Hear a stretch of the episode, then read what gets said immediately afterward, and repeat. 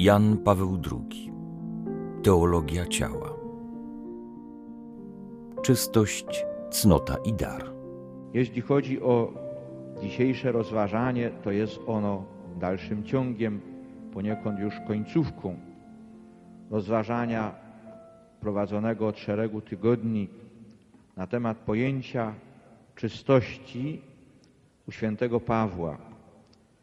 Wedle świętego Pawła czystość należy rozumieć jako życie wedle ducha. Dzisiaj odwołaliśmy się jeszcze do tych słów z listu do Koryntian, gdzie Paweł, zwracając się do swoich adresatów, mówi: Nie wiecie, że jesteście świątynią i Duch Święty mieszka w Was. Otóż to zamieszkanie Ducha Świętego w nas przez chrzest, przez łaskę owocuje. Owocuje poprzez dary. A dary Ducha Świętego wspomagają niejako i pogłębiają nasze cnoty. Jeżeli chodzi o cnotę czystości, która była tematem naszych rozważań przez szereg tygodni, to posiada ona szczególny związek z darem czci.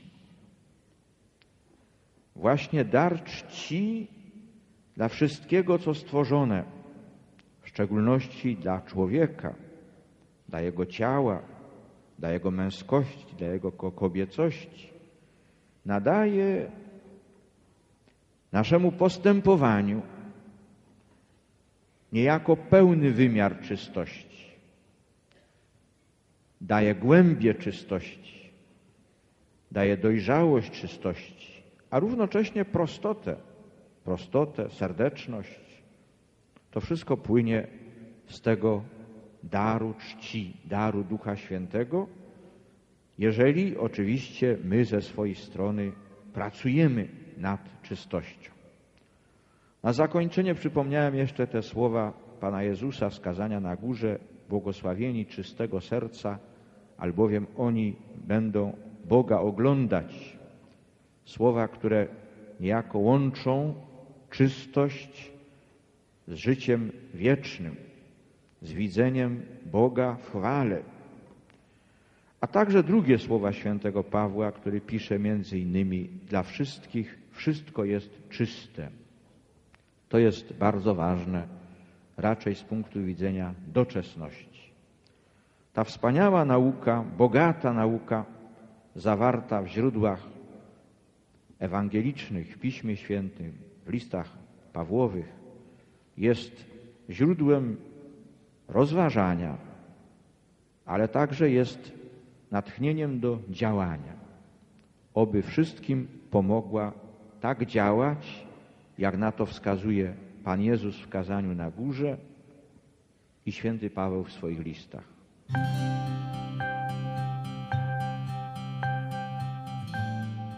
Nel nostro incontro di alcune settimane fa Podczas spotkania przed kilkoma tygodniami skupiliśmy naszą uwagę na tym fragmencie pierwszego listu do Koryntian, w którym święty Paweł nazywa ciało ludzkie świątynią Ducha Świętego. Pisze: Czyż nie wiecie, że ciało wasze jest świątynią Ducha Świętego, który w was jest, a którego macie od Boga, i że już nie należycie do samych siebie?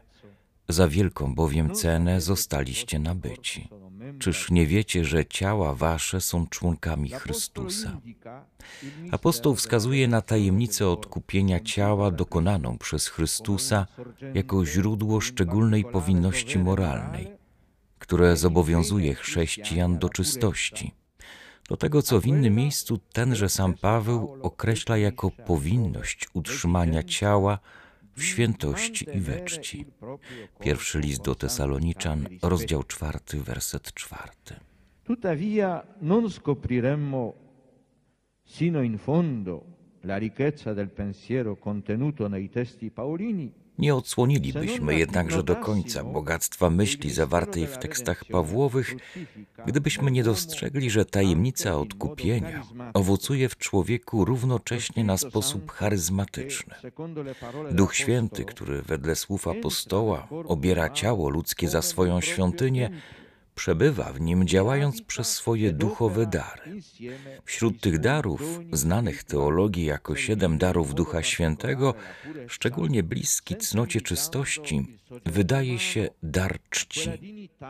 Jeśli czystość dysponuje człowieka do utrzymania ciała w świętości i we czci, jak czytamy w pierwszym liście do Tesaloniczan, to owa cześć, która jest darem Ducha Świętego, zdaje się szczególnie służyć czystości, uwrażliwiając ludzki podmiot na ową godność, jaka ciału ludzkiemu jest właściwa na mocy tajemnicy stworzenia i odkupienia. Poprzez dar czci Pawłowe słowa, czyż nie wiecie, że ciało wasze jest świątynią Ducha Świętego, który was jest i że już nie należycie do samych siebie? nabierają wymowy doświadczalnej i stają się żywą i przeżywaną prawdą czynów. Otwierają też one najpełniejszy dostęp do doświadczenia oblubieńczego sensu ciała oraz związanej z nim wolności daru, w której odsłania się głębokie oblicze czystości oraz jej organiczny związek z miłością. Sebbene il mantenimento del proprio corpo con santità e rispetto si formi mediante l'astensione dalla impudicizia, Chociaż utrzymanie ciała w świętości i we czci kształtuje się na drodze powstrzymania porządliwej namiętności i droga taka jest nieodzowna, to przecież owocuje ono zawsze w głębszym doświadczeniu tej miłości, która w całą istotę człowieka, a więc także w jego ciało, wpisana jest od początku, wedle obrazu i podobieństwa samego Boga. Dlatego też święty Paweł kończy swój wywód z pierwszego listu do Koryntian znamiennym wezwaniem. Chwalcie więc Boga w waszym ciele. Czystość jako cnota czyli umiejętność utrzymania ciała ludzkiego w świętości i we czci, sprzymierzona z darem czci jako owocem zamieszkania Ducha Świętego w świątyni ciała, sprawia taką pełnię Jego godności we wzajemnym odniesieniu ludzi, w której uwielbiony jest sam Bóg. Czystość jest chwałą ciała ludzkiego przed Bogiem. Jest chwałą Boga w tym ciele człowieka, przez które ujawnia się jego męskość i kobiecość. Z niej też płynie owo szczególne piękno, które przenika w każdą sferę wzajemnego obcowania ludzi, pozwalając wyrazić w tym prostotę i głębię serdeczność i niepowtarzalny autentyzm osobowego zawierzenia. Może znajdzie się jeszcze później sposobność, ażeby szerzej wypowiedzieć się na ten temat. Związek czystości z miłością, a także związek tejże czystości w miłości z tym darem Ducha Świętego, którym jest dar czci, to mało znany wątek teologii ciała, a równocześnie wątek, który zasługuje na szczególne pogłębienie. Będzie to można jeszcze uczynić w ramach analiz dotyczących sakramentalności małżeństwa. Ed ora un breve riferimento all'Antico Testamento. La dottrina paolina circa la purezza. A teraz jeszcze kilka słów nawiązania do Starego Testamentu. Pawłowa nauka o czystości jako życiu według ducha zdaje się wykazywać pewną ciągłość w stosunku do ksiąg mądrościowych Starego Testamentu. Spotykamy się w nich z taką na przykład prośbą o czystość w myślach, słowach i uczynkach. Panie, Ojcze i Boże mego życia, niech nie panują nade mną żądze zmysłowe i grzechy cielesne. Nie wydawaj mnie bezstydnej namiętności. Księga Syracha, rozdział 23, wersety od 4 do 6. Czystość bowiem jest warunkiem znajdowania mądrości i postępowania w niej, jak czytamy w tejże samej księdze. Skierowałem ku niej moją duszę i znalazłem ją dzięki czystości. Księga Syracha, rozdział 51, werset 20. Oprócz tego można by także w jakiś sposób wziąć pod uwagę znany z liturgii tekst Księgi Mądrości, rozdział 8, werset 21 w brzmieniu wulgaty. pagata. Scivi quoniam aliter non possum esse continens nisi Deus det, et hoc ipsum erat sapientiae scire cuius esset hoc don. Secondo un tale concetto, Wedle powyższego ujęcia nie tyle czystość jest warunkiem mądrości, ile mądrość byłaby warunkiem czystości jako szczególnego daru Boga. Zdaje się, że już w powyższych tekstach mądrościowych zarysowuje się owo podwójne znaczenie czystości, jako cnoty i jako daru. Cnota służy mądrości, a mądrość dysponuje do przyjęcia daru, który pochodzi od Boga. Dar ten umacnia cnotę i pozwala radować się w mądrości owocami czystego życia i postępowania. Come Cristo nella sua beatitudine del discorso montagna, la quale si riferisce ai puri di cuore, O ile Chrystus w swym błogosławieństwie skazania na górze, odnoszącym się do ludzi czystego serca, uwydatnia oglądanie Boga, owoc czystości w perspektywie eschatologicznej, to Paweł widzi jej promieniowanie w wymiarach doczesności, gdy pisze: Dla czystych wszystko jest czyste, dla skalanych zaś i niewiernych nie ma nic czystego, lecz duch ich i sumienie są zbrukane. Twierdzą, że znają Boga, uczynkami zaś temu przeczą. List do Tytusa, rozdział pierwszy, werset 15 i następne. Te słowa mogą się również odnosić do czystości w znaczeniu ogólnym i rodzajowym, jako do charakterystyki wszelkiego dobra moralnego.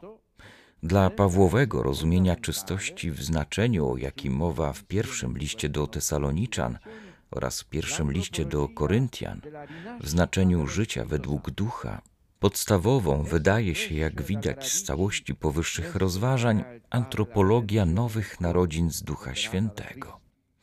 Wyrasta ona swoimi korzeniami z rzeczywistości Chrystusowego odkupienia ciała, którego definitywnym wyrazem jest zmartwychwstanie.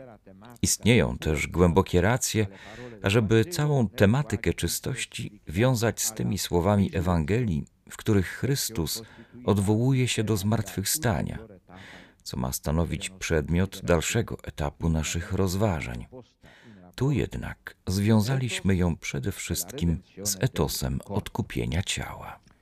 Il modo di intendere e di presentare la purezza, ereditato dalla tradizione dell'Antico Testamento, Odziedziczony z tradycji Starego Testamentu sposób rozumienia i przedstawienia czystości, znamienny dla ksiąg mądrościowych, stanowił z pewnością dalsze, nie mniej realne przygotowanie do Pawłowej nauki o czystości jako życiu według ducha. Z pewnością też ułatwiał on wielu słuchaczom kazania na górze zrozumienie tych słów Chrystusa, w których w wykładzie przykazania nie cudzołóż odwołał się on do serca ludzkiego.